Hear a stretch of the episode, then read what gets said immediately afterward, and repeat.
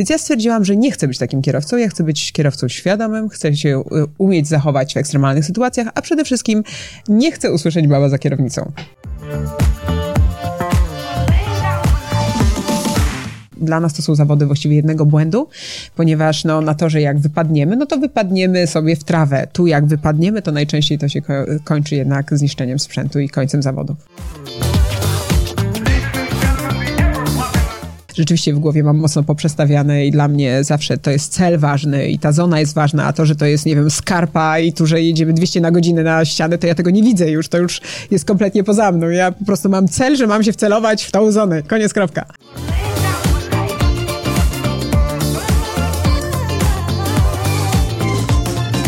Dziękuję Ci bardzo, że słuchasz mojego podcastu.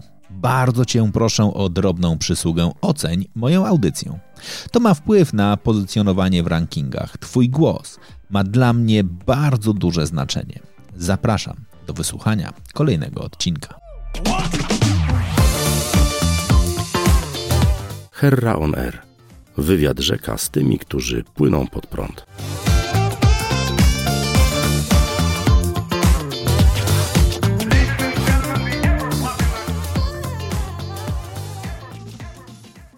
Dzień dobry.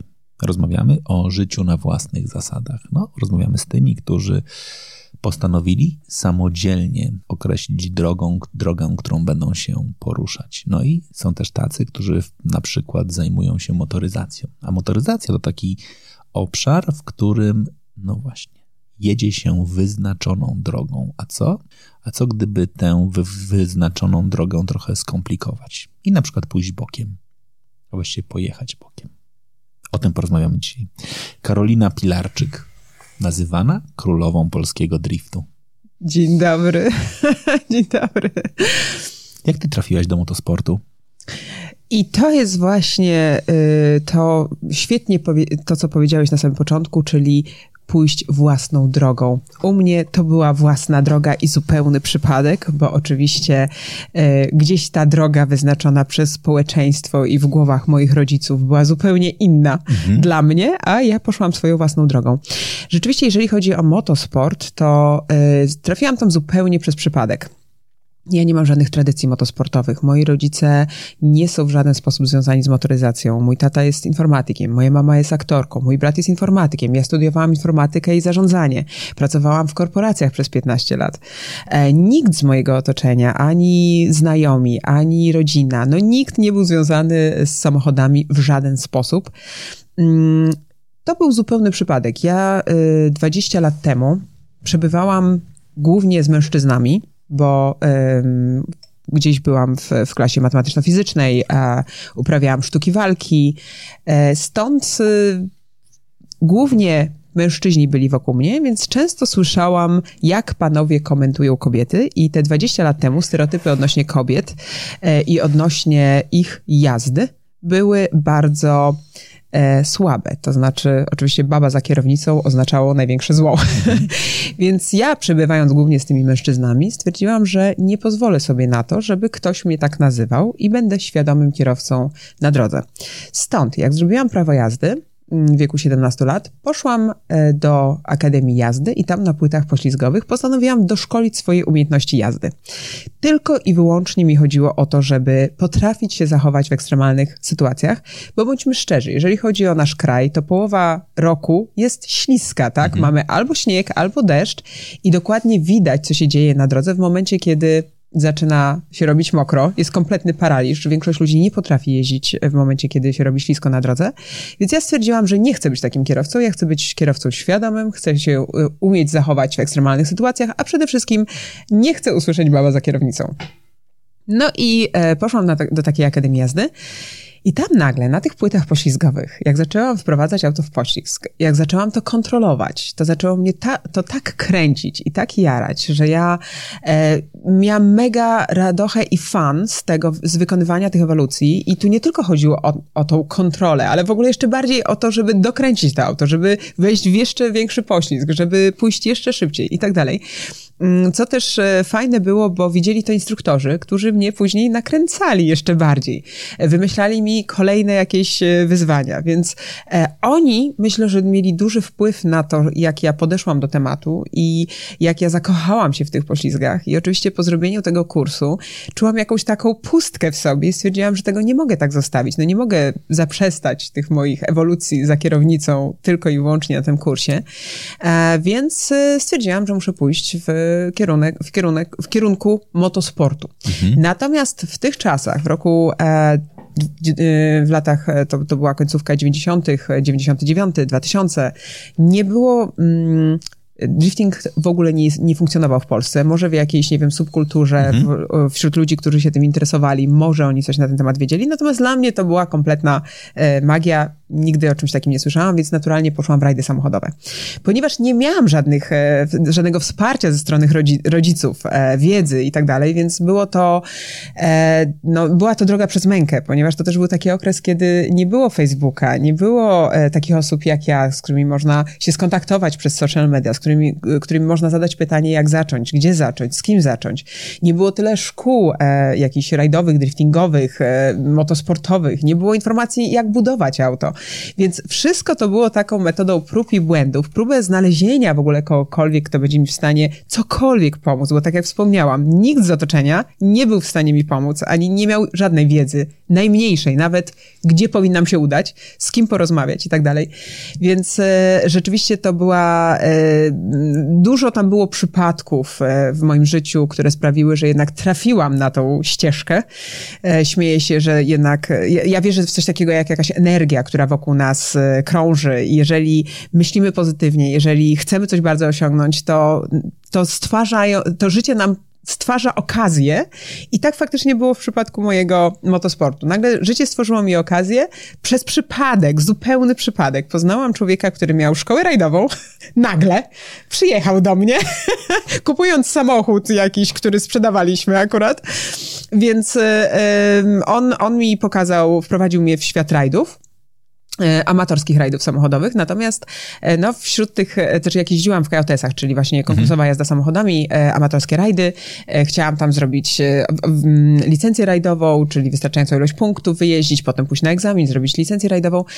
Natomiast podczas tych rajdów ja cały czas zaciągałam ręczny, cały czas się ślizgałam, cały czas jak tylko widziałam jakąś beczkę, jakiś zakręt, łuk, to momentalnie ten ręczny i, i, i się ślizgałam. I pamiętam jak mój pilot nawet jak widział na roadmapie, tak, widział, że, że tam jest jakiś zakręt albo jakaś beczka, to od razu do mnie krzyczał, tylko o tym nie mów! A ja mówię, pieprzy czas, jedziemy, lecimy, zobacz, tak jest zabawniej.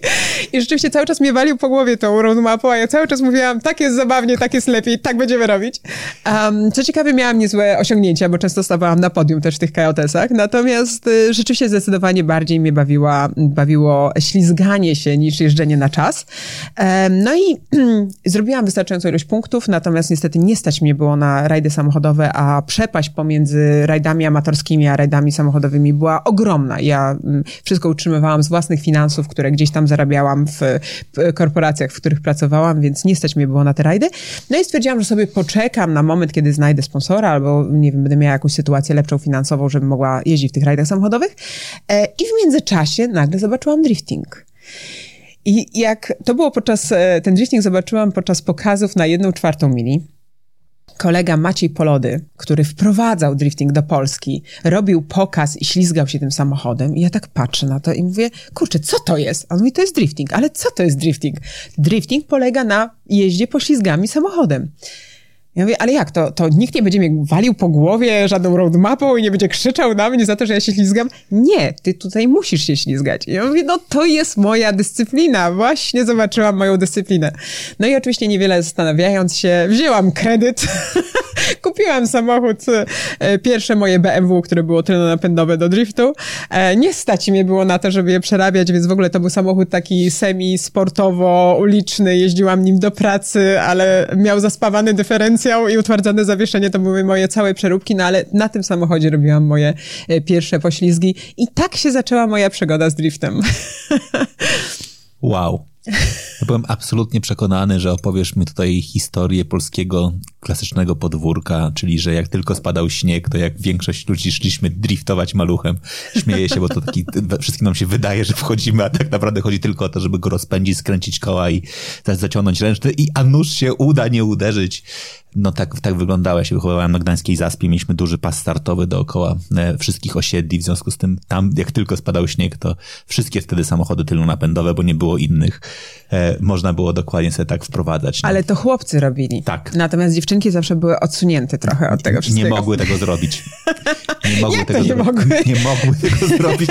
Nie, to, to ładnie. Ładnie pokazujesz absolutnie przepiękną historię. To niezłe. To, to jest o tyle jeszcze mm, śmieszna i ciekawa, znaczy śmieszna, może nie śmieszna, ale myślę, że inspirująca historia, bo mm, w tym wszystkim jest jakby życie moje równoległe, tak? Czyli życie, kiedy moi rodzice, którzy byli dumni ze swojej córeczki, ponieważ ja byłam takim idealnym dzieckiem, tak? W podstawówce czerwone paski, potem najlepsze liceum w Polsce, bo chodziłam do Batorego. Potem robiłam jedne studia, drugie studia, wzięłam się za doktorat. Zaczęłam pracować w korporacjach. Już od 18 roku życia zaczęłam pracować, więc e, staż mam bardzo długi. Mm, pracowałam w firmach informatycznych, potem w największej firmie na świecie, jeżeli chodzi o IT. E, I to było wszystko takie idealne. Moi rodzice tak patrzyli na mnie i pękali z dumy, że mają taką fantastyczną córeczkę i teraz jeszcze tylko czekali na dom w Konstancinie, męża biznesmena, córeczkę, synka, e, pieska, kotka, tak? I, i, I ja, która będę pracowała jako pani menedżer w firmie informatycznej, no wszystko się składało idealnie, a nagle w którymś momencie im kompletnie zdriftowałam w ogóle na jakąś drogę, którą oni do tej pory nie rozumieją. Do tej pory ubolewają, do tej pory mój tata uważa, że drifting e, zaprzepaścił moje szanse na Nobla, bo się świetnie zapowiadałam jako naukowiec. E, moja mama z kolei oczywiście ubolewa, bo uważa, że drifting e, przekreślił szansę na wnuki z mojej strony. Ja za to zawsze się śmiałam, że mój brat nadrobi zaległości i ma szczęśliwie trójkę dzieci, więc norma półtora dziecka na rodzinę jest wyrobiona. Natomiast e, rzeczywiście moi rodzice tego kompletnie nie rozumieli. Moi rodzice są moimi przyjaciółmi, tak? Ja ich uwielbiam. To są ludzie, którzy mi szalenie imponują, e, bardzo inteligentni, bardzo kulturalni, bardzo e, ta, fantastyczni, e, jeżeli chodzi o, o próbę wychowania nas. Więc uwielbiam ich, ale to był temat tabu. I pomimo wszystko, pomimo, że naprawdę ich szalenie szanuję i e, kocham i, i mm, bardzo długo stosowałam się do zasad, które oni gdzieś e, mi wpajali do głowy, e, pomimo wszystko jednak stwierdziłam, że ja chcę być szczęśliwa, to moja droga, to moje życie i to jest to, co mi sprawia szczęście i pomimo wszystko, pomimo wszystkich przeciwności, tak, bo zaczynałam właściwie od zera kompletnego, tak, nie miałam znajomości, nie miałam wiedzy, nie miałam pieniędzy, do tego jestem kobietą, a to wcale nie było e, takie proste 20 lat temu. Zresztą ciągle nie jest to proste w takim męskim świecie. Jednak pomimo wszystko stwierdziłam, zrobię to. Ja chcę to robić. To jest to coś, co daje mi szczęście i to jest moje życie. I na koniec dnia nie chcę umierać i myśleć, kurczę, no właściwie to spełniłam wszystkich oczekiwania, marzenia, ale nie spełniłam swoich marzeń. Więc mówię, to jest moja droga, ja tędy idę i to zrobiłam. Teraz mam jeden z najbardziej rozpoznawalnych e, teamów driftingowych na świecie. Którym momencie zrozumiałaś, że, zrozumiałaś, że szczęście jest wartością? Um, późno. Dosyć późno. E, dosyć późno właśnie spełniałam czyjeś oczekiwania.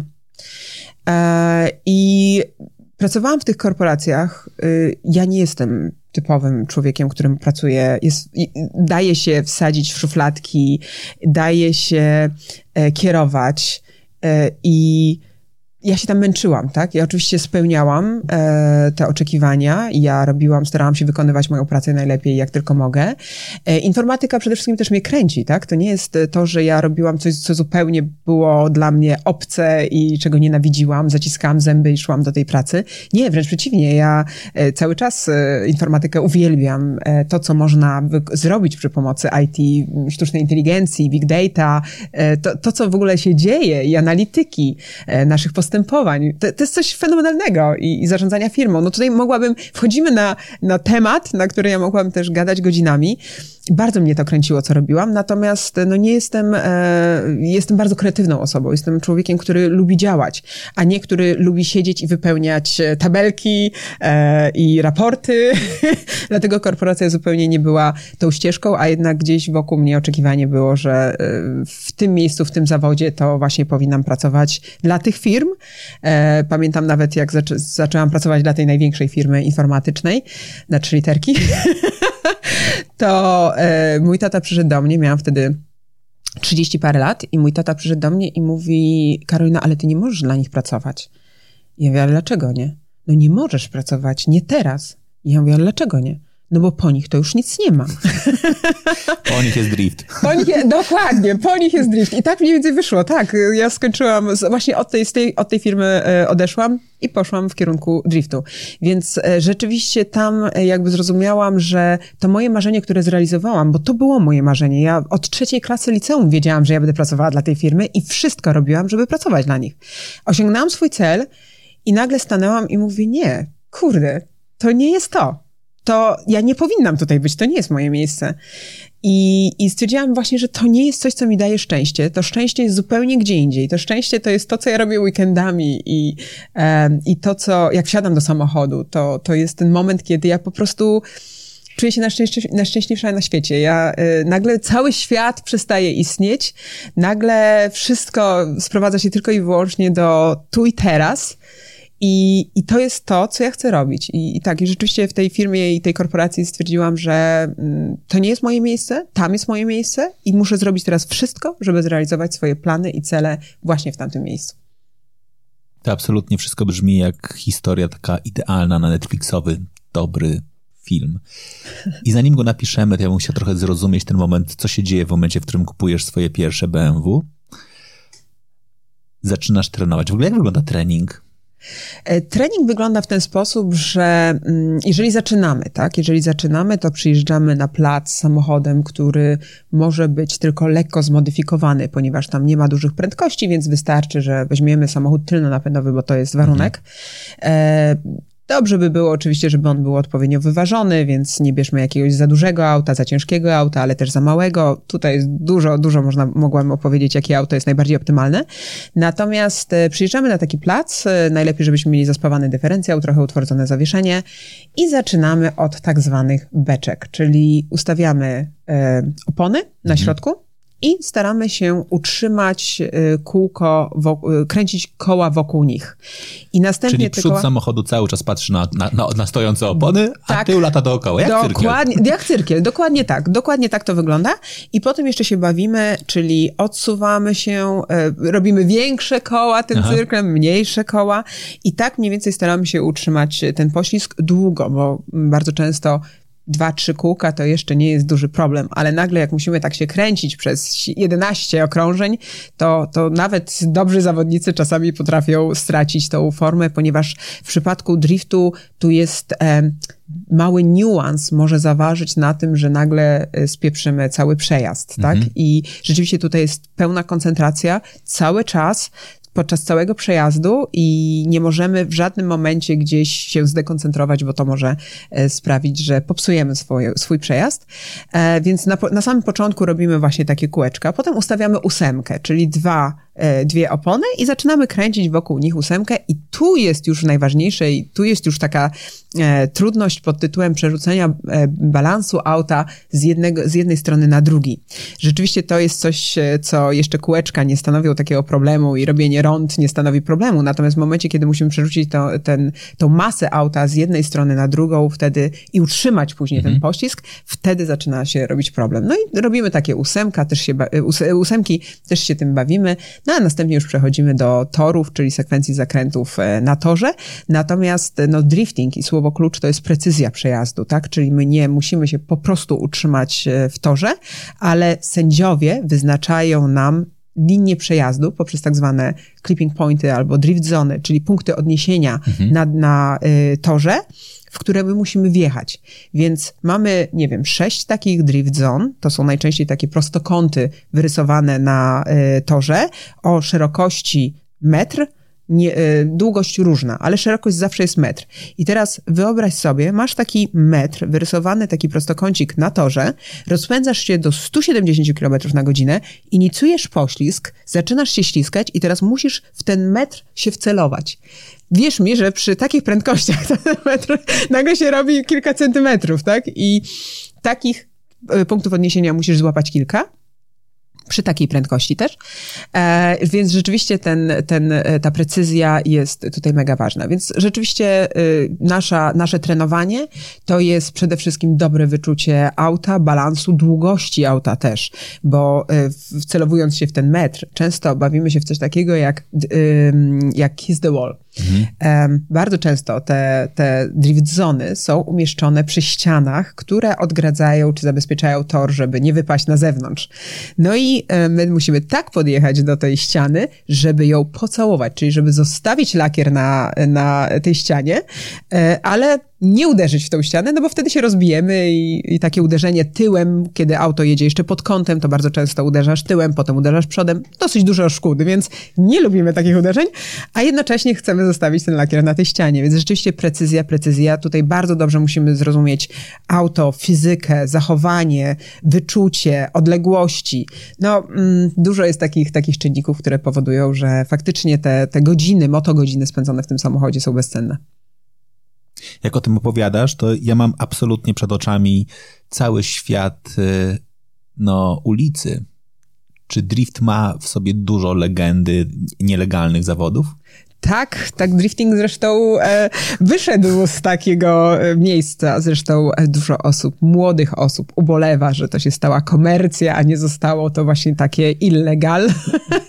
Natomiast rzeczywiście drifting e, jest o tyle piękną dyscypliną motosportową i dlatego ona się tak rozwija, ponieważ jest to chyba jedna z nielicznych, nie jedyna, ale jedna z nielicznych dyscyplin motosportowych, która wyszła od ludzi. Mhm. Większość dyscyplin motosportowych jednak wyszła od konstruktorów, od kierowców, od producentów, e, czyli oni chcieli potestować swoje samochody, zaczęli się ścigać, to było atrakcyjne, zaczęło przyciągać ludzi i tak dalej, i tak dalej. Natomiast w przypadku driftingu zaczęło się to od tego, że w Japonii na nielegalnych wyścigach w nocy, gdzieś na obrzeżach Japonii, na obrzeżach, które były najczęściej terenami górskimi, ścigali się młodzi ludzie.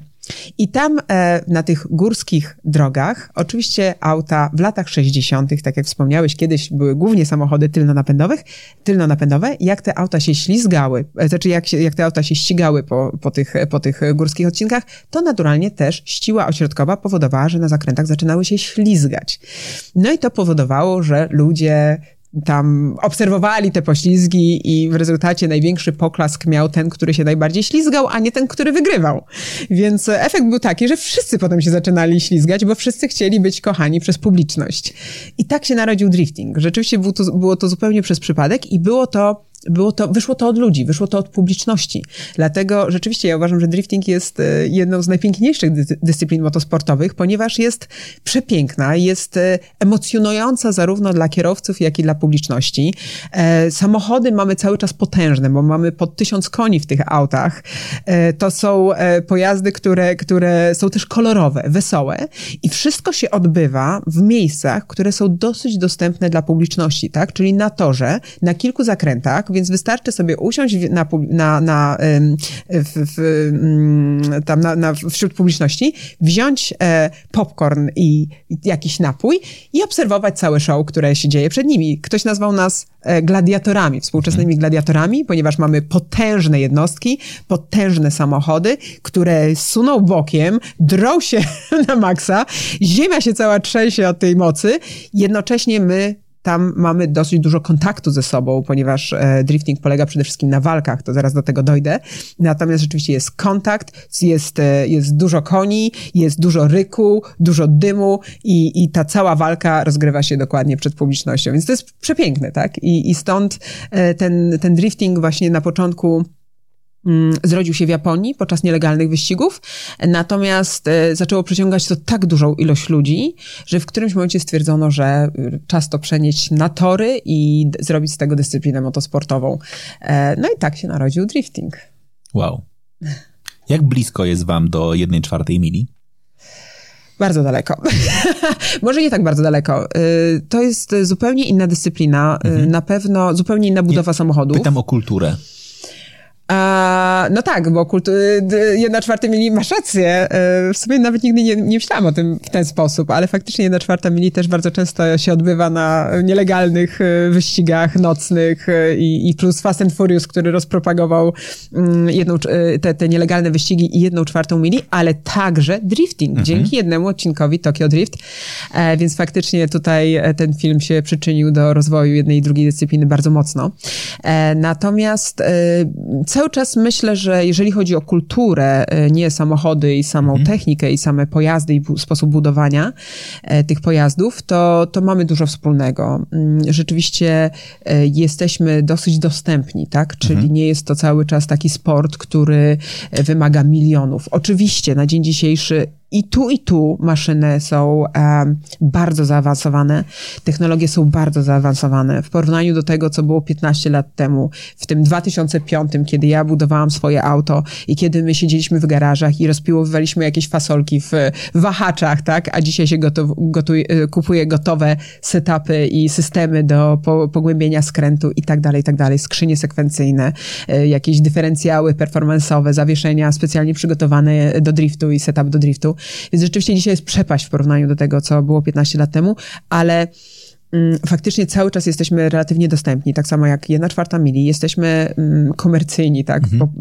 ludzie y, i przychodzą do nas i fajnie to się ogląda i wygodnie to się ogląda y, i jednocześnie no właściwie każdy, kto chce i mm, może y, to czy każdy, kto, kto chce, może zacząć, tak? Bo, bo właściwie teraz często słyszę, że pieniądze są problemem, ale szczęśliwie jeszcze w tym sporcie te pieniądze nie są aż tak duże, żeby nie dało się, nie znalazło się jakiegoś sposobu na zarobienie e, czy pozyskanie sponsorów nie jest to taka, taka bariera jak, nie wiem, Formuła 1, gdzie tam po prostu jak się patrzy na te budżety, to to już jest kosmos. kosmos. To już tylko i wyłącznie się ogląda, większość ludzi ogląda tylko i wyłącznie e, dlatego, że ich kręci, e, kręcą wyścigi, a nie dlatego, że myślą, żeby w przyszłości tam jeździć. Okej. Okay. Czyli to jest taka dyscyplina, która jeszcze jest e, dostępna dla amatora? Znaczy, tak. Jesteś w stanie sobie wyobrazić, że tak jak, nie wiem, rozwijają się inne dyscypliny, które wcale nie są jakoś bardzo tanie, patrz, nie wiem, triatlon, gdzie ludzie wpadają na pomysł, dobro, dobro, tyle lat w korporacji, będę teraz jeździł, pływał, znaczy jeździł na rowerze, pływał, biegał, to wszystko połączę, no i zacznę kompletować i to z reguły się kończy na dużych wydatkach, e, to je, jestem w stanie sobie wyobrazić, że ktoś wpada na pomysł dobra, to ja zaczynam budować swój samochód. Tak. Tak, i y, absolutnie drifting y, jest taką dyscypliną, którą można relatywnie tanio zacząć. E, ja zresztą zrobiłam taki, taki cykl e, Driftowóz na start u siebie na kanale e, YouTube, żeby pokazać, jak można fajnie i tanio zacząć, ponieważ, no tak jak wspomniałam. Dobra, jest... jaka jest pierwsza baza? W takim razie, od, od czego zacząć? Znaczy, myślisz od o czego? samochodzie, jakby trzy najczęściej wybierane samochody na start. Poczekaj, to ja powiem tobie inaczej. Od czego zacząć? Ja przede wszystkim zawsze polecam, żeby osoba, która chce, chce zacząć, poszła najpierw do Akademii Driftu i zobaczyła, czy oby na pewno to jest to, co chce robić. Dlatego, że drifting jest przepiękną dyscypliną motosportową. Jak my jeździmy, ona wygląda bardzo prosto i bardzo, e, no, nie wymaga, jakby niewymagająco, tak? Natomiast e, potem nagle, jak wsiada się do samochodu, e, to się okazuje, że jednak to nie jest wcale takie proste. E, bardzo dużo mm, byłam e, świadkiem sytuacji, kiedy ludzie kupowali auta, budowali, e, wydawali duże pieniądze na nie, a następnie po kilku pierwszych treningach stwierdzali, że to nie jest to, tak, i, i sprzedawali. I takich samochodów powstało bardzo dużo. E, dla tych, co chcą jeździć, to też dobrze, bo oni niestety na koniec dnia musieli sprzedać te auta taniej niż je kupili, czy je zbudowali. Natomiast e, rzeczywiście większości osób, które chcą zacząć swoją przygodę z, driftu, poleca, z driftem, polecam, żeby się udali do Akademii Driftu, których jest kilka już w Polsce i tam dostają samochód, który na pewno driftuje, więc jeżeli coś nie idzie, to okay. nie jest to wina samochodu. Poza tym, jest z nimi instruktor, który od razu eliminuje jakieś problemy i daje też e, dobre wskazówki, e, co zrobić, żeby łatwiej zacząć, e, jakie ćwiczenia wykonywać, żeby zacząć i tak dalej, i tak dalej. No i po takiej, nie wiem, nawet jednej, dwóch lekcjach decydujemy, czy to jest oby na pewno dyscyplina, która jest dla nas. Trzymam kciuki, żeby to była dyscyplina, która jest dla nas, bo e, mam też dużo przykładów tak zwanych zarażonych driftem, kiedy przychodzili do mnie tylko i wyłącznie, żeby pojeździć na prawym albo spróbować e, za kierownicą e, swoich umiejętności i wychodzili z myślą, kupuję samochód, buduję samochód. Więc oczywiście chcemy jak najwięcej ludzi w tym sporcie i, i, i zawodników, i ludzi, którzy chcą po prostu się w ten sposób bawić i spędzać czas. I właśnie, i następny, następny krok, stwierdzamy, to jest to, co chcę robić. Następny krok to jest kupno samochodu, które jest najbardziej takie optymalne do driftu, może nie najlepsze, jeżeli mhm. chodzi o sprzęt przyszłościowy do wygrywania, ale musimy pamiętać o tym, że to jest sport dosyć mocno kontuzjogenny, więc e, coś takiego jak półosie, jak drążki kierownicze, e, jak, e, nie wiem, felgi, dyferencjały, dużo, dużo elementów stają się elementami eksploatacyjnymi, tak? Czyli musimy na taki trening przywieźć ich kilka ze sobą. No i za każdym razem ten koszt musimy ponieść, więc fajnie wybrać auto, które jest optymalne finansowo, i dobre do driftu. No ja nie ukrywam, że tutaj jest akurat w Europie y, właściwie jedna marka, która jest y, najlepsza, y, to jest BMW. Mhm. E, mamy dzięki naszym sąsiadom bardzo dużo tych samochodów i dużo e, starych E36, nawet E46 teraz już, które są dosyć przystępne cenowo. Można je kupić za 3, 4, 5 tysięcy złotych i to jest bardzo fajna baza do driftu. Taka E36, czyli mhm. trójeczka, mhm. tak? Mm, najlepiej, żeby oczywiście wybierać jak największy silnik, bo ta moc zawsze nam pomaga, ale takie 1,8 IS nawet, bo to jest fajna charakterystyka silnika. 2,5 litra, 2,8 litra to są naprawdę świetne auta już do driftu. Ja nawet sama mam takie auto, e, nazywamy je tak zwany gruz, e, do trenowania w zimie, bo szkoda mi mojego samochodu e, sportowego i, i wyczynowego do, do katowania w zimie. Więc mamy takie E36, e, które dosyć relatywnie tanim kosztem można przygotować fajnie do driftu. Czyli y, wziąć dyferencjał i go zaspawać, tak? Zamiast kupować jakieś performance'owe, tak jak ja mam kupione za jakieś 15-20 tysięcy złotych, to bierzesz główkę dyferencjału i go spawiasz i już masz szperę z tyłu. E, czyli zblokowany dyferencjał, mhm. tak? Druga rzecz, zawieszenie. To jest też mega ważne, żeby to auto fajnie się kontrolowało, żeby się nie bujało jak ponton, mhm. e, więc rzeczywiście druga, druga taka modyfikacja to jest e, ta e, modyfikacja zawieszenia. I tu znowu e, kupujesz jakiś najtańszy gwint, który naprawdę można kupić za 1000 zł e, na Allegro i w ogóle nie, nie ma żadnego problemu z tymi kosztami, tak? I kilka takich modyfikacji robisz, które zamykają cię w kosztach nie wiem, siedmiu tysięcy, może nawet czasami może mniej, jeżeli ktoś ci coś pomoże, coś ci da, albo kupisz używane. E, I bierzesz takie auto na place, których jest całkiem sporo. E, my na przykład jeździmy na placu koło Nowego Dworu, mhm. e, który jest e, giełdą truskawek przez dwa miesiące w przeciągu roku, a przez 10 miesięcy stoi zupełnie e, puste, więc e, burmistrz Czerwińska, pan Marcin Gortat, serdecznie pozdrawiamy i dziękujemy za ten pomysł, stwierdził, że odda ten plac do e, właśnie takiego jeżdżenia, trenowania, żeby osoby mogły sobie w bezpieczny sposób pojeździć, tak? I mamy koło Warszawy, bo to jest raptem jakieś 20 kilometrów od Warszawy, bardzo fajny plac, gdzie praktycznie co tydzień jeździmy. W Mototrening Goławin serdecznie zapraszam. Od razu zrobię reklamę, ale myślę, że warto tutaj robić reklamy, mhm. żeby zabrać e, młodych ludzi z tych ulic i żeby pojechały w bezpieczne, fajne miejsce i w miejsce, gdzie naprawdę można potrenować, tak? Ponieważ e, tam się nic nie stanie takiego, nie ma e, jakichś latarni, innych samochodów, czy, czy pieszych, którzy mogą nam wejść, czy psów, które, które mogą nam wejść, ponieważ to jest mhm. teren um, ogrodzony tam przyjeżdżają ludzie tacy jak ja, czyli ludzie doświadczeni, którzy też sobie trenują, a jednocześnie mogą pomóc tym osobom, które dopiero zaczynają i dać jakieś wskazówki, co robić, e, jak zacząć, jak jeździć, albo gdzieś tam podszlifować techniki. Razem z nami mogą pojeździć też, e, czyli z takimi zawodnikami, e, potrenować te pary, bo tak jak wspomniałam, drifting to przede wszystkim to są pary i to jest coś najpiękniejszego, gdzie my dwa auta ślizgają się równolegle, dotykając praktycznie do siebie. I to jest precyzja przejazdu. My nie możemy uderzać w te auta, tylko musimy się ocierać o siebie. I teraz wyobraź sobie sekwencję zakrętów, cały tor, gdzie my jedziemy równolegle i tam się o siebie ocieramy cały czas. I, i rzeczywiście to jest to przepięknie i widowiskowo działa. Niesamowicie też dla ludzi, których e, czasami bierzemy do samochodu, żeby zobaczyli, jak to wygląda z wewnątrz, więc oni widzą, jak tutaj jeden samochód, drugi dotyka, mogą klepać się po masce nawzajem. Świetna zabawa. E, I rzeczywiście w takim miejscu przychodzimy i tam zaczynamy trenować. E, tam można naprawdę spędzić godziny, żeby podszlifować swoje umiejętności jazdy. No a jak już stwierdzimy, że za mało albo łapiemy tego bakcyla, to najlepiej udać się na zawody, ponieważ mhm. zawody to jest zupełnie co innego i to jest zupełnie inna emocja emocja i adrenalina niż taki trening.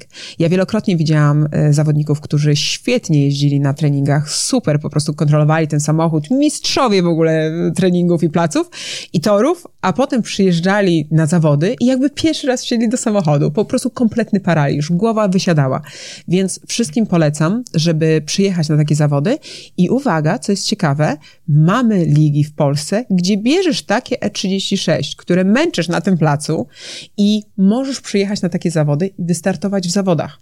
To jest też świetne miejsce, żeby się pokazać, żeby pokazać swoje umiejętności, swoją technikę, swoją osobowość i później dzięki temu uzbierać materiał do tego, żeby później móc rozmawiać ze sponsorami. Mhm.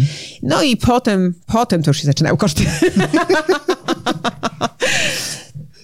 Więc tu można rzeczywiście opowiadać. No ale jest, e, znaczy ja uważam, że warto. E, nie ukrywam, e, drifting nie jest tanim sportem, jak zresztą motosport każdy.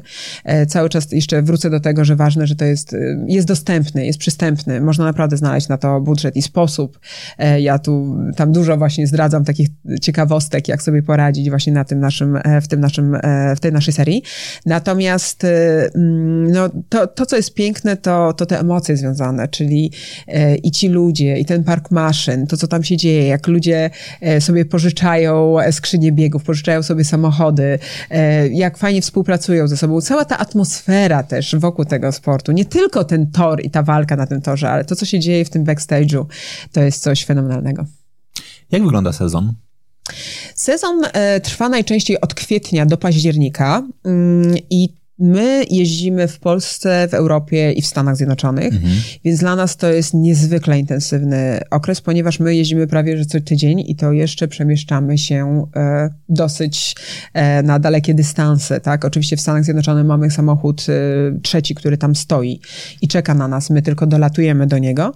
Natomiast tak czy siak logistyka i czas, który jest z tym związany i jetlag, który jest z tym związany jest dosyć dużym wyzwaniem, ale e, rzeczywiście u nas najczęściej w ogóle zawody i sezon, e, czyli ten kwiecień, październik, to zawody są też naszymi treningami. Mhm. E, sam trening jest dosyć kosztowny, tak? E, ponieważ my zużywamy po 30-40 opon na weekend. To są semisliki, to są nowe opony, po trzech przejazdach są one do wyrzucenia. E, taki koszt takiej opony to jest po 150 euro, więc można sobie teraz łatwo przeliczyć, jakie to są koszty tylko i wyłącznie na e, opony. Jeździmy na etanolu, na biopaliwie. Jestem ekologiczna, hej! no, ale takie biopaliwo, taki etanol jest, e, jest też dosyć kosztowny. No i już nie mówiąc o tej całej reszcie i przywiezieniu auta i, i tych elementów, e, te, te, te koszty eksploatacyjne, bo tam też niestety dużo nam płosi i innych elementów idzie.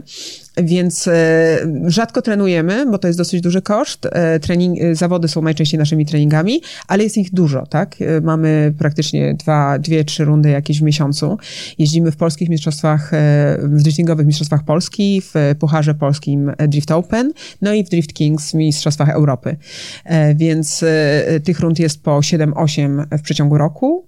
No, wychodzi jakieś 20 parę rund y, mm, od tego kwietnia do, do października, plus też pojawiamy się na różnych e, eventach motoryzacyjnych, e, jakieś jak festy czy flatouty, to są bardzo duże imprezy motoryzacyjne ściągające ludzi, pasjonatów motoryzacji, czy izdebki drift show, musisz tam przyjechać, to jest coś fenomenalnego. Słuchaj, piękne Podkarpacie, e, ulica taka bardzo kręta, górska i my tam, ci drifterzy na, tych, na, tej, na tej ulicy, pięknie piękne, fenomenalne przejazdy. Zresztą to znaczy impreza, tak? Bo nas ściąga około 30-40 tysięcy ludzi. Ludzie to kochają. E, no i to jest show, to jest głównie show. Natomiast jak mówimy o izdebkach, to e, i też o, o tej ulicy, z, z której zaczynał się drifting, e, to też to, to, co jest piękne, to oczywiście drifting e, i zawody najczęściej odbywają się na torach albo mhm. lotniskach, ale na przykład w tym roku będziemy też mieli rundy górskie i uliczne. Zaczynamy od Kłodzka, e, znaczy Drift Open e, zaczyna się od Kłodzka, czyli miasto piękne, zabytkowe, przepiękne budynki, a my w środku tam driftujemy więc to jest bardzo widowiskowe. Już kiedyś w Kłodzku jeździliśmy. Przepiękna runda. E, I mamy też na przykład Czarną Górę, czyli rundę górską. E, też cudowne miejsce, bardzo fajne, przyciągające ludzi, bo to są też tereny, gdzie odbywają się rundy górskie, rajdowe rundy mhm. górskie, czy, czy wyścigi e, górskie.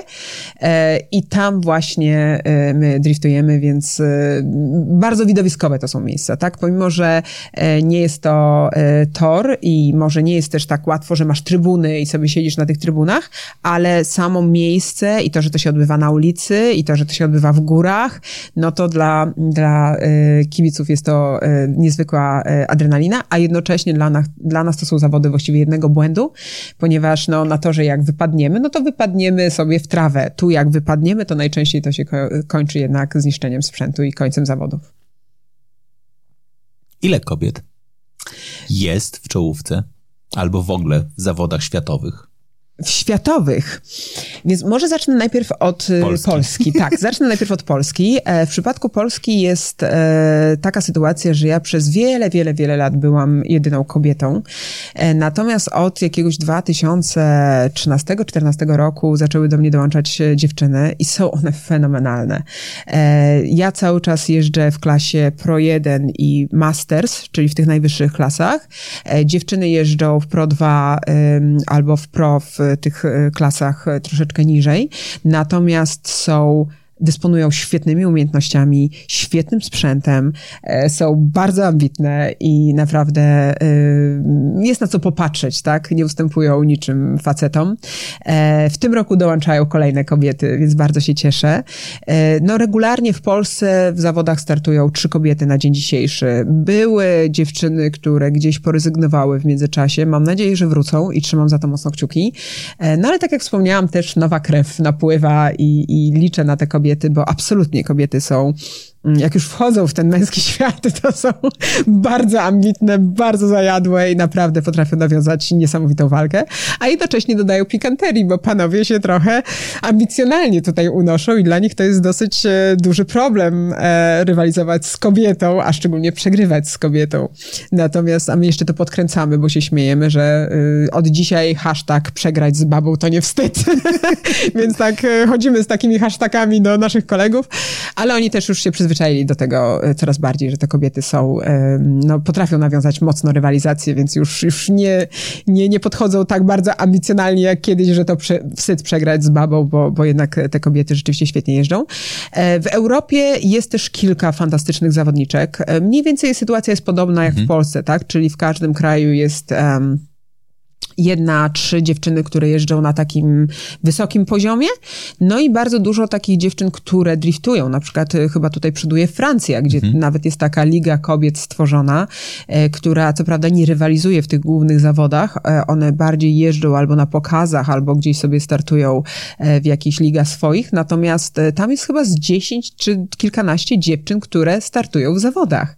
To znaczy, które mhm. jeżdżą, które driftują, które się pokazują, bo to jest najważniejsze, ponieważ dlaczego powiedzieć powiedziałam, driftują i pokazują, ponieważ e, to, co było taką smutną dla mnie trochę refleksją, e, kiedy jakiś czas temu powstała na Facebooku e, strona, e, taka, taka grupa Polish Drift Girls. Niestety mhm. ona troszeczkę ostatnio obumarła, ale nagle się okazało, że w Polsce też jest kilkanaście dziewczyn, które mają jakieś samochody mniej lub bardziej profesjonalne do sportu i sobie je tam driftują. Ja oczywiście momentalnie, jak zobaczyłam te dziewczyny, to zaczęłam je namawiać na zawody, na to, żeby przyjechały, żeby się pokazały. Niestety dużo dziewczyn boi się hejtu, boi się ataków ze strony ludzi, krytyki, oceny, więc one po prostu chcą się cieszyć tym driftem gdzieś na swoich placach w okolicy. Co szkoda, bo mhm. uważam, że tracą dużo fajnej adrenaliny, a nie ma co się przejmować tak naprawdę takimi ludźmi, którzy hejtują, bo dla mnie to są ludzie, którzy są niezrealizowani. Mhm nigdy nie zrozumiem hejtera. Natomiast y, rzeczywiście y, w, mm, w Stanach Zjednoczonych też tych dziewczyn trochę jest. Gdzieś też do stron mnie dodali, kiedy zaczęłam e, startować w Formule Drift. E, natomiast w samej formule dzisiaj startują e, trzy dziewczyny. Mhm. Więc też tych kobiet znowu nie jest tak dużo. No ale mam nadzieję, że to się będzie zmieniało. Dlaczego? Dlaczego kobiety nie wchodzą w ten świat? Znaczy, jakby w takich. Mamy 2022 rok. Znaczy, hashtag możesz wszystko jest absolutnie jednym chyba z, z największych, który, e, który jakby podbija nasze, no, w pewnym sensie myślenie. Jest jakaś, nie wiem, funkcjonalna przewaga mężczyzn, typu, nie wiem, że to jest, nie wiem, sport, który wymaga dużej odporności na, nie wiem, na wysiłek fizyczny albo cokolwiek jest pewna przewaga. Mm, natomiast e, szczęśliwie e, na przykład kwestie fizyczne tutaj nie mają żadnego mhm. znaczenia, więc my jak wsiadamy do samochodu, to nieważne czy jest się 50-kilogramową dziewczynką, czy 120-kilogramowym facetem, to taką samą siłę potrzebujemy do tego, żeby to wykonać. E, natomiast to, co mm, zawsze zazdrościłam panom i, i tu się mocno różnimy, jeżeli chodzi o panowie versus kobiety, to jest ich taka pewność siebie hmm. i ich e, życie tu i teraz, tak? My kobiety bardziej analizujemy i to nam niestety trochę przeszkadza e, w sporcie, w takim sporcie, jakim jest na przykład motosport. E, ja pamiętam, ja musiałam się tego uczyć na przykład, tak? E, pamiętam jak jechałam w pierwszy zakręt, gdzie mam tych sekwencji zakrętów pięć przed sobą. Wjeżdżałam w pierwszy, coś tam źle robiłam i jechałam i w głowie analizowałam, co ja tam źle zrobiłam. A to już było nieważne, to już jest za mną, ja mam kolejne zakręty przed sobą, tak? Ja powinnam się na nich skupić, a nie nad tym, że ja tam coś spieprzyłam, tak? Później sobie poanalizujemy. I ja się musiałam nauczyć właśnie zostawić to, co jest e, za mną, teraz patrzymy to, co jest przede mną. I rzeczywiście panowie tak mają. Mhm. Oni za bardzo nie drążą tematu, co tam się wydarzyło, oni mają w tym momencie, patrzą w przyszłość, idą przed siebie i, i po prostu działają. E, plus ta pewność siebie, tak, poczucie własnej wartości. E, kobiety, to co wspomniałam, tak, wycofują się dlatego, że nie chcą być oceniane, że nie chcą być krytykowane, że się tego boją. E, bardzo biorą to do siebie, emocjonalnie mhm. biorą to do siebie. Mam, mam takie wrażenie, że że po facetach bardziej to spływa, mówiąc kolokwialnie, tak? Natomiast kobiety zaczynają drążyć, zaczyna je to męczyć, zaczyna to wpływać na ich psychikę. Mm, ja też nie ukrywam, że, że z tym też pracowałam, bo mhm. E, przez to, że byłam pierwszą kobietą, e, która zaczęła e, startować w zawodach driftingowych, no to Byłam bardzo oceniana, e, byłam bardzo krytykowana. E, ja, tak jak wspomniałam, nie miałam żadnych tradycji, więc wszystko uczyłam się też metodą prób i błędów. E, panowie zawodnicy gdzieś mnie też odsunęli, tak? Oni nie chcieli mi pomagać. Na początku byłam fajną taką atrakcją, mhm. że wchodzi dziewczyna i coś tam chce zrobić, ale jak się zorientowali, że ona naprawdę chce coś zrobić i to nie jest jakiś jej kaprys i, i dzisiaj chce jeździć samochodzikami, a jutro łódeczką, a pojutrze robić zakupy, tak? Tylko fakt faktycznie byłam mocno zdeterminowana i chciałam jeździć, mm, to oni tak niekoniecznie mnie chcieli wciągnąć do tej swojej grupy. I stąd e, ja popełniłam bardzo dużo błędów. Ja e, musiałam się dużo rzeczy oduczać przyzwyczajeń, których się nauczyłam e, i odruchów, których się nauczyłam błędnie robiąc to sama. Dlatego właśnie wszystkim mówię, weźcie osoby, które są doświadczone, nie popełniajcie tych samych błędów co ja. I rzeczywiście... Mm, ja nie ukrywam, to było dla mnie bardzo bolesne na samym początku. Teraz to już mam za sobą prawie 20 lat tego hejtu, więc mm. teraz po mnie naprawdę spływa i się wręcz śmieje i z tego, z tego co panowie tam wypisują. Najczęściej, no panie też, panie też, co ciekawe. E, natomiast e, rzeczywiście kobiety się tego boją, kobiety biorą to bardzo do siebie i raczej starają się tego unikać. I stąd rzeczywiście one unikają takiej oceny i takiego miejsca, gdzie y, mogłyby zostać skrytykowane. I myślę, że to jest główna przyczyna, bo na pewno nie to, że my mamy mniejsze skłonności do ryzyka, bo tak nie jest. Mhm. ja wręcz y, mam, znaczy no fakt, czasami wyjątek potwierdza regułę, ale ja rzeczywiście w głowie mam mocno poprzestawiane i dla mnie zawsze to jest cel ważny i ta zona jest ważna, a to, że to jest, nie wiem, skarpa i tu, że jedziemy 200 na godzinę na ścianę, to ja tego nie widzę już, to już jest kompletnie poza mną. Ja po prostu mam cel, że mam się wcelować w tą zonę. Koniec, kropka. No i, i poza tym ja lubię jakoś tak e, tą prędkość i tę adrenalinę z tym związaną. Natomiast rzeczywiście myślę, że dużo więcej kobiet e, ma skłonności do jakiejś takiej adrenaliny ryzyka. Natomiast e, wolą gdzieś sobie pojeździć i porobić we własnym zakresie niż, niż zostać ocenioną i skrytykowaną zupełnie bez sensu i bezpodstawnie. Jak sobie radzisz z tym, żeby znaleźć czas na to, żeby dalej driftować? Znaczy, i to nie jest przekorne pytanie, tylko jak ciebie słucham, jesteś, masz bardzo mocną, no ja nie lubię tego określenia, ale jednakże markę osobistą. Jesteś bardzo dobrze rozpoznawalna. Jesteś atrakcyjną kobietą, która robi i osiąga sukces właśnie w męskim świecie, czyli jesteś turbo atrakcyjna dla większości marek, które myślą o tym właśnie o kampaniach, nie wiem, możesz wszystko. Zaczynając od, nie marek szeroko rozumianych biżuteryjnych, w których możesz pokazywać, że faktycznie ty możesz, poprzez wszystkie pozostałe i tak dalej, i tak dalej. Znaczy, myślę sobie, że jest pokusa tego, żeby zostać już tylko celebrytą i powiedzieć, dobra, będę żyła do końca życia z tą łatką pod tytułem Kiedyś byłam wielką drifterką, dzisiaj głównie stoję na ściance, uśmiecham się i monetyzuję trochę, tak, jakby całą swoją przeszłość, a jednakże znajdujesz czas na to, żeby, no właśnie, nie ulec tej pokusie, tylko dalej się ścigać. Jak to robisz? Przede wszystkim drifting to jest to, co kocham. Mhm. I to, co y, nie wyobrażam sobie, żebym kiedykolwiek porzuciła. E, kiedyś pamiętam, jeden dziennikarz mi zadał pytanie, czy ja e, bym. Czy jest coś takiego w driftingu, co bym osiągnęła i powiedziała: Mam wszystko, osiągnęłam wszystko, zrobiłam wszystko, teraz odpuszczam. Zdobywam Mistrzostwo Świata, jestem mistrzem, odpuszczam. Nie, czegoś takiego nie ma. W driftingu dla mnie najważniejsze jest samo driftowanie nie, nawet nie pojechanie na zawody, nie wygrywanie, po prostu jeżdżenie i dawanie takiej przyjemności ludziom, bo to jest niesamowite, jak ludzie to odbierają, jak ludzie się ze mną bawią, jaką energię jestem w stanie dać ludziom. To jest, to jest bezcenne. To jest bezcenne, że ludzie przychodzą do mnie i mówią, że, że cierpią na przykład na depresję i lekarz im powiedział, żeby sobie obrali jakiegoś sportowca, z którego będą czerpali energię i ja jestem tym sportowcem. E, czy są po jakichś wypadkach, po jakichś przejściach i oni przychodzą do mnie, żeby czerpać ze mnie energię. I to jest fenomenalne. I, i to daje, myślę, że e, właśnie też ten drifting i to, że ja się tak bardzo tym cieszę i to, że ja czerpię właśnie z tego driftingu taką energię. E, I rzeczywiście mm, jedna sprawa to jest to, że drifting jest moim celem głównym. Mhm. Ja zawsze powtarzałam, że gdyby, gdybym e, miała ustawić sobie taką, e, takie, takie drzewko, mniej więcej co jest dla mnie najważniejsze, to najważniejsze byłoby driftowanie. I gdyby przyszło, przyszedł jakiś pan i powiedział, pa, albo pani, no ktokolwiek, przyszedł i powiedział, dobra, teraz daję ci kilka milionów i ty jedyne co rób, to po prostu jeździ, to ja pewnie się z wielu rzeczy bym wycofała, tylko i wyłącznie koncentrując się na driftingu. Natomiast też sobie zdaję sprawę, że y, ja potrzebuję na to budżet, więc ja potrzebuję też zrobić wiele aktywności wokół, które pozwolą mi, żeby jeździć, tak? Więc wszelkie moje aktywności i to, że ja jestem w mediach, to, że ja jestem w show biznesie, w ogóle to mhm. była ciekawa sprawa, jak myśmy wyszli do tego show biznesu, mm, to wszystko miało na celu celu e, rozpropagowanie drifting, e, e, rozpropagowanie go wśród ludzi i dzięki temu pozyskanie sponsorów, którzy pozwolą mi, żebym ja mogła jeździć, tak? I ten budżet pozwoli mi na to jeżdżenie. Więc absolutnie dla mnie cieszę się, że, znaczy ja się bardzo cieszę, że nam się udało zbudować taką markę, ale ten drifting to jest coś, co jest dla nas e, najważniejsze.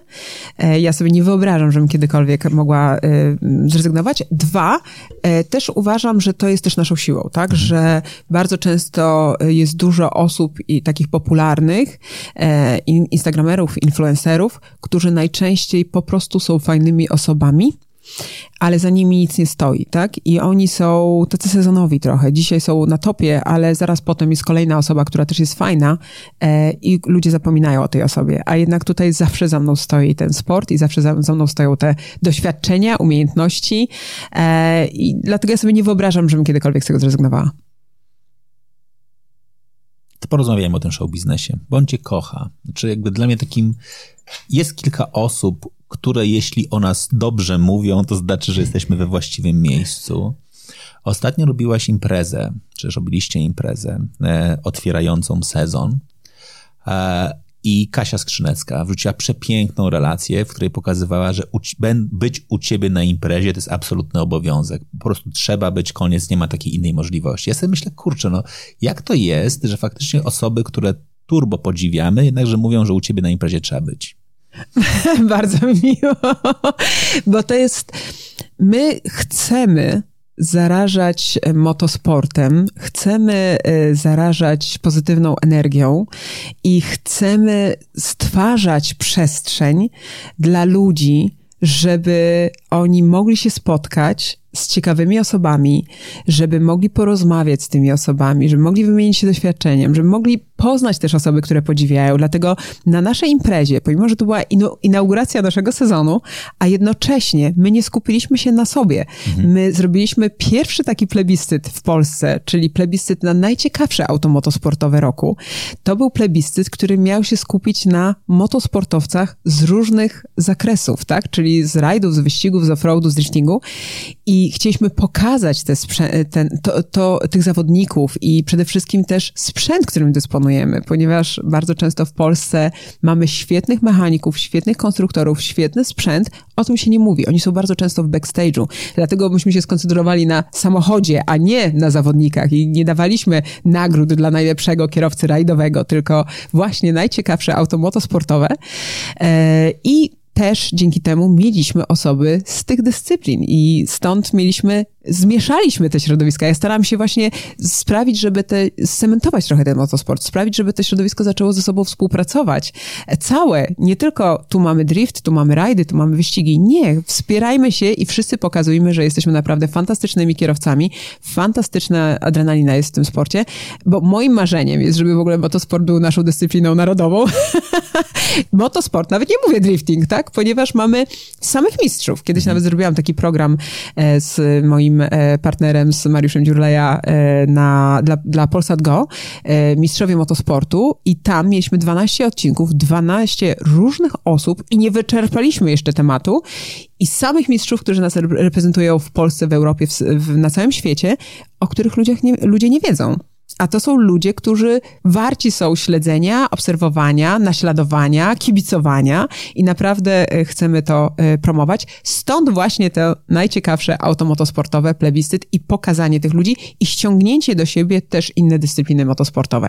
Dwa, też zrobiliśmy finał naszego e, sezonu właśnie Driftobus na start, gdzie cały cykl miał za zadanie zarazić tym driftem, ponieważ znowu chcieliśmy trochę odczarować taki mit, że to jest taka niedostępna dyscyplina, że ona jest taka super droga. Nie, właśnie można fajnie, tanio zacząć swoją przygodę i się rozwijać i zobaczyć, e, czy jesteśmy gotowi na zawody, czy chcemy w ogóle kontynuować i chcemy tą adrenalinę z zawodów, a może po prostu chcemy fajnie spędzić w ten sposób czas, bo przecież nie musimy od razu jechać na zawody, tak?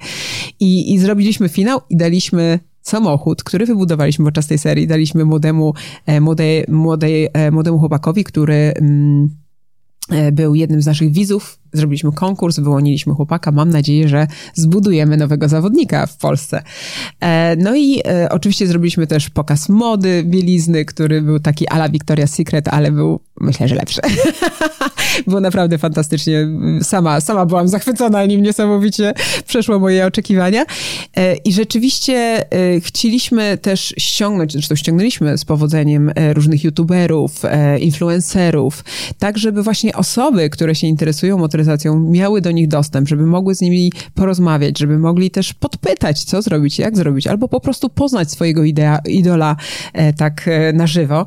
Więc rzeczywiście ta impreza miała na celu takie fajne, tak, stworzenie takiej fajnej przestrzeni dla ludzi, którzy kochają samochody, którzy kochają motosport, którzy chcą się spotkać, chcą się wymienić doświadczeniami e, i chcą się też świetnie pobawić. Czyli nie musimy się obawiać, że jak przyjdzie do ciebie duża stacja telewizyjna i powie, słuchaj, poprowadź nam teraz cykliczny, całoroczny program, gdzie będziesz non-stop zajęta i nie będziesz mogła startować, to ty powiesz, nie ma szans, mogę poprowadzić krótką serię, ale muszę jeździć na zawody. Dokładnie tak. Ja na dzień dzisiejszy to jednak zawody są dla mnie priorytetem i numer jeden i absolutnie staramy się, robimy różne projekty i staramy się gdzieś pogodzić to, bo, bo to też jest fantastyczna przygoda przede wszystkim, ale jeżeli by to wymagało ode mnie 100% zaangażowania i zostawienia zawodów driftingowych, to na dzień dzisiejszy by nie weszło to w grę. Jaka jest granica wieku? Nie, że ci wypominam, ale jakby do którego momentu można startować w zawodach? Całe życie. Naprawdę? To, to nie, nie ma bariery? Nie ma bariery. Nie ma bariery, to jest piękne, ponieważ startują e, u nas i dzieci czasami, tak? Mieliśmy 11-latków, którzy zaczynali swoją przygodę z driftingiem, więc bardzo wcześnie. Wyobraź sobie 11-letnie dziecko, które wsiada do samochodów, samochodu ma na pedałach klocki, żeby móc dosięgnąć do tych pedałów. E, i, I takie osoby startują, zresztą z powodzeniem em, te, po kilku latach są jednymi z lepszych zawodników w Polsce, z, z jednych z lepszych zawodników w Polsce, e, po zawodników, którzy mają 50 parę, nawet 60 parę lat. To świetnie pokazuje Japonia, gdzie tam są naprawdę ludzie w takim porządnym wieku i startują cały czas w zawodach. E, w Drift Kings nasz kolega, który ma 50 parę lat, wygrał na przykład całe Mistrzostwa Europy z tymi młodymi, jurnymi, jednak doświadczenie i, i ta, ta, takie opanowanie tu wygrało. Co ciekawe, jednym ze słabszych samochodów startował, ale to, co wyprawiał tym samochodem, to było Mistrzostwo Świata. Więc y, tu nie ma bariery. Tu jest tylko i wyłącznie głowa, y, chęci, cierpliwość i, i można robić to całe życie. Co z przyszłością tego sportu? Znaczy patrzę na zmiany motoryzacyjne. No nie ukrywam, że też patrzę i trochę się boję i martwię. Czy, czy Tesla nadaje się do driftowania? E, nie, nie nadaje się. nie nadaje się. To znaczy, y, ja w ogóle mm, obserwuję to, co się dzieje teraz z motoryzacją. Nie będę też e, ukrywała, nie jestem wielką fanką elektryków. E, nie uważam, że to jest e, świetne rozwiązanie. To znaczy, najbardziej mnie denerwuje to pchanie tej ekologii, tak? I gdybyśmy podeszli do tematu pod tytułem, e, no mamy samochody spalinowe i jako fajną, nie wiem, alternatywę, jak lubisz nowe, nowinki technologiczne, to masz tutaj samochód elektryczny, baw się dobrze, tak? To by było okej, tak? Natomiast to, że chcą mi wycofać moje samochody spalinowe i moje V8, mówiąc o tym, że jesteśmy tacy super ekologiczni, to mnie denerwuje, bo jest to bullshit, tak? Więc y, jest tam dużo, dużo ale, jest tam dużo nieścisłości, plus denerwuje mnie to, że tak bardzo się cały czas krytykuje i atakuje i, i em, stara się wycofać ten transport, e, samochody, a na przykład y, y, niejedzenie mięsa i w ogóle cały przemysł mięsny jest o wiele bardziej szkodliwy dla, y, dla y, środowiska, ale o tym się już tak bardzo i głośno nie mówi, no bo to nie jest wygodne dla ludzi, tak? Więc y, łatwiej zabrać im V8 V8 niż e, zabrać im mięso. Stąd y, bardzo mnie to irytuje. Ja jestem weganką, więc się śmieję za każdym razem, jak ktoś mi mówi, że ja jestem nieekologiczna, to mówię, że jest hipokrytą jedząc mięso i mi wyciągając, że ja jestem nieekologiczna, bo on jest o wiele bardziej nieekologiczny przy mnie. Natomiast e, rzeczywiście mm, obserwujemy, co się dzieje. Szczęśliwie w driftingu dwa lata temu, dwa lata temu chyba, czy trzy lata temu już nawet, wystartował samochód elektryczny Camaro, zbudowali do driftu, wycofali go szczęśliwie po jednej czy dwóch rundach. Został wygwizdany w ogóle podczas tych zawodów, ponieważ wyglądało to dosyć smutnie, jak e, takie Camaro, e, pamiętam była piękna walka, mam ją nawet nagraną na telefonie, piękna walka pomiędzy Camaro elektrycznym i Mustangiem, taką V8, która darła się i po prostu tam jechała za tym samochodem, jakby chciała zjeść te Camaro.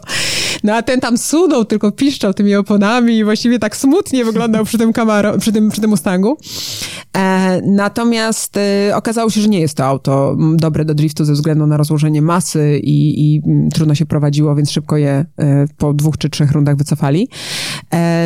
No, ale myślę, że mo, może gdzieś tam iść w tym kierunku. To, co prawda, ja mam nadzieję, że pójdzie to trochę w innym e, kierunku i bardzo mocno trzymam kciuki za to. Mianowicie Toyota jakiś czas temu zbuntowała się przeciwko elektrykom i powiedziała, że ona nie pójdzie w elektryki, tylko pójdzie w biopaliwa. I tutaj, prawdę mówiąc, liczę na to mocno, że gdzieś jednak zaczniemy iść w, to, w tym kierunku. Tak jak wspomniałam wcześniej, ja jestem ekologiczna, bo jeżdżę na etanolu, więc jeżdżę na biopaliwie. E, I mam nadzieję, że właśnie gdzieś raczej em, ten kierunek e, zacznie w którymś momencie wygrywać. E, zaczną się bardziej tym interesować samochody, zwłaszcza, że, znaczy producenci samochodów. Ludzie, co prawda na razie mamy problem z Unią Europejską, która gdzieś narzuca jakieś zasady i prawdę mówiąc nie rozumiem dlaczego, to znaczy jak nie wiemy o co chodzi, to chodzi o kasę, tak, i ktoś ma na tym dobry biznes, bo, bo nie widzę innego, in, innego wytłumaczenia. Natomiast no liczę jednak, że w którymś momencie może, nie wiem, terminy będą przesuwane, potem jednak zobaczą jakieś światełko w tunelu, potem się po prostu delikatnie z tego wycofają i jednak pójdziemy w te biopaliwa i, i jednak ten motosport zostanie w takiej postaci jak dzisiaj bo y, no nie jest on fajny. Zresztą y, tak jak, znaczy nie jest fajny, nie jest fajny, nie jest, nie jest fajny elektryczny motosport, mhm. tak? Jak mamy nawet tą e-formułę. Tak. Niedawno kolega mi opowiadał, jak był na tej e-formule, to siedział i był najpierw taki podekscytowany, no jestem na formule, no kurczę, to jest coś fenomenalnego. A potem przejechały te samochody i mówi, no tak jakby po prostu ktoś dźwięk wyłączył. Mhm. I mówi, no po dwóch, trzech kółkach, prawdę mówiąc, ja się wyłączyłem. Nie ma, jak nie ma tego dźwięku, nie ma tego huku, nie ma tego warkotu, nie ma tych, tych emocji, które daje ten dźwięk, no to to nie jest motosport, tak? I, i myślę, że tego zawsze będzie brakowało w, w motosporcie, jeżeli wejdą elektryczne, albo będą, dźwięk będzie szedł z głośników, a to będzie już smutne. Natomiast e, no, przyglądam się faktycznie, jeżeli chodzi o, o motosport i, i te, te, trendy i te sytuacje, które się dzieją na, wśród producentów e, samochodów e, nie są zbyt optymistyczne. Cieszę, cieszę się też, że jestem w takim wieku, że może nie dożyję tego, jak ono wszystko będzie elektryczne. jak zabiją ten motosport. Myślisz o sobie jako promotorze motosportu w Polsce? Takiej, takiej osobie, która no właśnie ma istotny wpływ na to, żeby go rozwijać? Tak, tak o sobie myślę. Dlaczego? Dlatego, że yy, wracamy do tego show biznesu. Dlaczego myśmy poszli do show biznesu? Um, motosport... Bo there's no business like show business, no. Ale wiesz, chodzi o to, że Motosport był bardzo popularny w Polsce gdzieś w latach 80., 90. Ludzie kochali go, obserwowali, oglądali telewizje pokazywały relacje, w, e, e, relacje z zawodów i, i to było super. E, potem wycofali się duży gracze, sponsorzy, pieniądze, więc ten sport przestał być pokazywany w telewizji. Gdzie indziej są pieniądze, co innego dzisiaj jest pokazywane. No i ja nie chciałam tylko i wyłącznie ograniczać się i pokazywać ten sport wśród ludzi, którzy się interesują motosportem. Bo wtedy, kiedy ja się zajęłam driftingiem, to drifting dopiero wchodził do tego kraju i kiedy ja szłam do kogokolwiek i mówiłam drifting, to widziałam taki wielki znak zapytania przed sobą, tak? Albo jak już dwa lata później już zaczynali coś tam kojarzyć, hasło drifting, to najczęściej widzieli chłopaków w BMKach palących gumę pod Tesco, tak? To były takie mniej więcej skojarzenia. Albo kogoś pałującego ręcz, ręcznym, e, biednego gol, na ręcznym golfa, tak? I, i to był, e, takie było skojarzenia z driftem. Więc myśmy włożyli bardzo dużo pracy, żeby pokazać, co to jest drifting, e, wyedukować trochę mm, ludzi i e, mm, środowisko czym jest drifting faktycznie. E, I rzeczywiście ja nie chciałam tylko i wyłącznie właśnie zamknąć się do tych pasjonatów, którzy się interesują motoryzacją, bo uważam, że ten sport zasługuje na to, żeby wyjść dużo dalej mhm. i żeby pokazać, że takie fajne rzeczy dzieją się na świecie i takie fajne rzeczy dzieją się w tym środowisku motoryzacji. I e, to może zainteresować wszystkich ludzi, którzy po prostu lubią aktywnie uprawiać e, jakieś dyscypliny albo lubią adrenalinę, lubią prędkość, lubią samoloty, lubią łódki no takich ludzi jest bardzo dużo, tak? Więc chciałam dotrzeć do nich i stwierdziłam, że jeżeli wyjdziemy w ten show biznes, a drifting jest taki show, biznes, show biznesowy, nie? On jest mhm. taki show, to jest show, e, że on będzie się ładnie tam wpisywał, a jednocześnie fajnie pokażemy ludziom, firmom, że tutaj jest świetna emocja, świetny marketing emocjonalny, pięknie można pokazać ich produkty. Dużo osób chce pokazać swoje produkty przez pryzmat pozytywnych energii, a tam jest dużo pozytywnej energii, dużo w ogóle energii e, i dlatego poszliśmy w tym kierunku i bardzo długo byłam przez to też krytykowana e, z mojego środowiska, że w ogóle gdzie ja się tam pam, na jakieś ścianki, w ogóle co to jest, kierowca motosportowy, w ogóle co ja wyprawiam. Natomiast e, teraz e, już e, dużo ludzi mi przyznało rację, że teraz dopiero po latach rozumieją, co myśmy zrobili, co chcieliśmy osiągnąć. I rzeczywiście myślę, że w, udało nam się spopularyzować ten sport i, i przyciągać, przyciągnąć dzięki temu jeszcze więcej ludzi i też sponsorów do tego sportu. Co robić, żeby przyciągnąć sponsorów nieoczywistych? No bo to jest taki temat, który zawsze, zawsze jest trudny. Znaczy, jak złamać schemat? Tak, znaczy, absolutnie naturalny sposób jest, nie wiem, dystrybutor i producent narzędzi samochodowych. Tak, to bardzo proste, oczywiście. Wiodąca sieć e, wiem, hurtowni, sklepów z częściami, producenci części, tak, to jest łatwe. Oleje, opony, wszyscy rozumiemy o co w tym chodzi. Ubezpieczalnie, pewnie jeszcze też firmy ubezpieczeniowe, ok. No ale jak ściągnąć nieoczywistego sponsora? Jak przekonać kogoś, kto jest dokładnie, nie wiem, właśnie bardziej w świecie e, beauty, powiedziałaś o pięknym pokazie e, bielizny i tak dalej. Czy są takie miejsca, których wiesz, myśląc motosport, jak jesteś dzisiaj, nie wiem, e, menedżerem komunikacji lub marketingu właśnie w, w, w marce modowej, no to jak ktoś ci mówi motosport, myślisz sobie, nie, nie, nie, nie, nie, to, to, to nie moi klienci. Co zrobić, żeby ludzie zrozumieli, że tam są właśnie emocje, a twoja marka jest o emocjach? Dokładnie właśnie e, to, co wspomniałeś. My podkreślamy, że to jest marketing emocjonalny, że to jest fajne skojarzenie, że to nie tylko jest e, skojarzenie samochody i wszystko, co jest do samochodów, ale to jest skojarzenie siła, energia, uśmiech, radość, szybkość. E, szybkość to mamy, nie wiem, telefonie komórkowe, tak, czy jakieś przesyły, czy komputery, które są szybkie. Tutaj można tak naprawdę znaleźć bardzo dużo analogii, które dają emocjom tym produktom. E, my mamy na przykład też e, w, w sporcie mamy coś tak nieoczywistego. E, jednym ze sponsorów jest jak firma, która sprzedaje gładzie. No i nagle mówisz, co ma piernik do wiatraka? A z drugiej strony sobie pomyślisz, ale jaką emocję masz związaną z gładziami? No, patrzysz na to i raczej niewiele czujesz, tak? No po prostu ona musi spełnić swoją jakąś rolę, ale też z drugiej strony, no, czym się różni? Patrzysz na jedną gładź do drugiej, klej do drugiego, no to jest wszystko to samo dla ciebie, tak? A jednak, jeżeli nagle pokażesz to w sposób fajny, ta, te logo, ten, to, to, logo, które gdzieś tam jest przy, związane z fajnymi emocjami, w fajnym miejscu, to nagle patrzysz na te wszystkie firmy, firmy, które dla ciebie są takie same na tej półce, ale widzisz tą firmę i masz fajne skojarzenie i od razu taki impuls w mózgu. Więc e, rzeczywiście tam jest dużo takich fajnych analogii, które można w sposób taki nawet bezpośredni e, e, powiązać, jak, jak już wspomniałam pod tytułem szybkość, szybki komputer, tak? Mhm.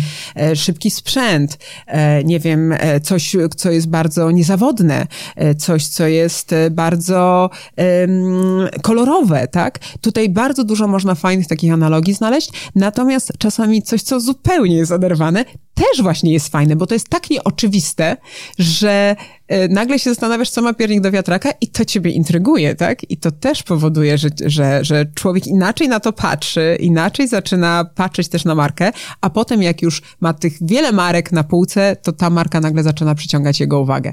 Więc y, rzeczywiście y, my zawsze jak pracujemy z jakimś sponsorem, czy, czy y, podejmujemy w ogóle rozmowy ze spo, sponsorami, e, to wręcz przygotowujemy konkretną, kompletną E, kampanię. Ja tak się odzywam, bo wszyscy sponsorzy, którzy są pozyskani dla naszego teamu, to są pozyskani przeze mnie. Mhm. Ja jestem jedyna w tym teamie, pomimo, że mamy kilka osób, które pracują na nasz sukces e, i, i współpracują ze mną, to jednak to jestem jedyna ja, która przynosi te pieniądze do, do zespołu, więc ja zawsze robię tak, że jak patrzę na jakąś firmę, do której bym chciała się odezwać i z którą bym chciała porozmawiać, to od razu myślę, co ja bym fajnego mogła przekazać, co fajnego mogłabym zrobić i w jaki sposób. I, i i to daje efekt, tak? Daje efekt, że te firmy przychodzą, widzą, e, wychodzimy zupełnie poza schematy, bo bardzo dużo jednak firm powiela schematy innych firm. Nie wiem, dzisiaj jest jakaś influencerka modna, to ona jest prawie we wszystkich markach, tak? Mhm.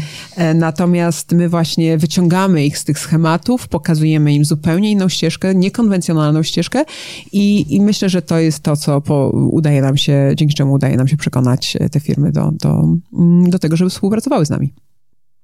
Jednym z ważnych nośników tego programu, czy też haseł, do których często nawiązujemy, to It's okay to live a life that other don't understand.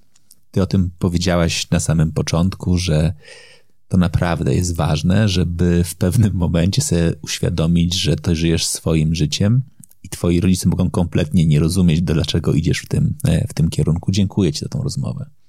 Bardzo dziękuję.